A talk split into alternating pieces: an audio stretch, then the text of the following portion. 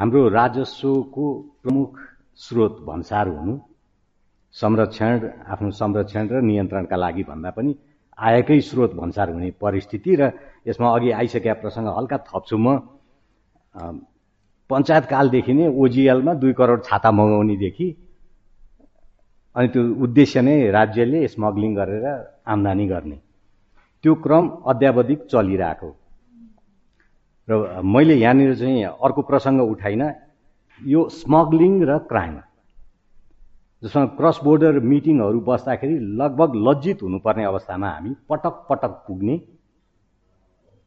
त्यो सुपारीको केस अहिले हेमन्त सरले भने सुपारीको केस हो कि पोस्तादानाको होस् अब पहिला बेरिङको हुन्थ्यो।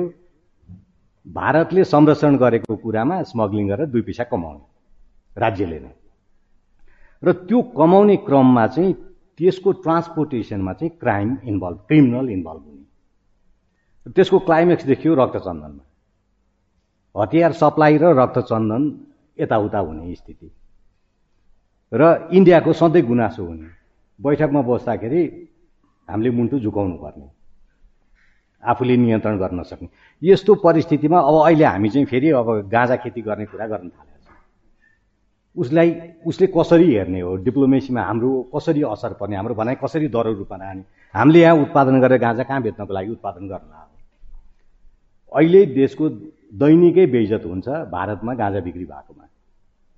हामी राज्य संयन्त्र अब पुरै जनता नै पनि यो सोसल मिडियामा हेर्नुपर्छ नेपालले उत्पादन गरेर त्यहाँबाट धनी गर्नुपर्छ भन्ने कुरा लगभग भाष्य स्थापना गर्न खोजिँदैछ।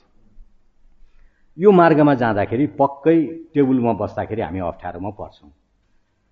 मैले दुईवटा प्रसङ्ग मात्रै उल्लेख गरेँ। यो स्मग्लिङहरू सानोतिनो भइरहेछ नि त भनेर भन्दा उत्पादक जनशक्ति यो अपराधमा इन्भल्भ भएको छ। जसले हाम्रो लगभग अब आत्मनिर्भर बनेको अघि प्रसङ्ग आयो पोल्ट्री अब धराशायी हुने स्थितिमा छ। झन्डै तिन लाख मान्छेबाट अहिले म केही दिन अगाडि गाउँमा पुग्दाखेरि चालिस प्रतिशत ह्याचेरीहरू बन्द हुने अवस्थामा पुगे। र इन्डियाबाट पोल्ट्री आयात भइरहेछ। अब लाकुना धेरै ठाउँमा छन्। जब फर्मल स्मग्लिङ राज्यले संरक्षण गरेको अघि हामीले उल्लेख गरेको पोस्तादानादेखि लिएर सुपारीका त्यो बाटोमा अपराधी छिरेपछि अनि त्यहाँनिरबाट विभिन्न समस्याहरू आउँछ र एक्सट्रिमिस्टहरूको चाहिँ मुभमेन्ट।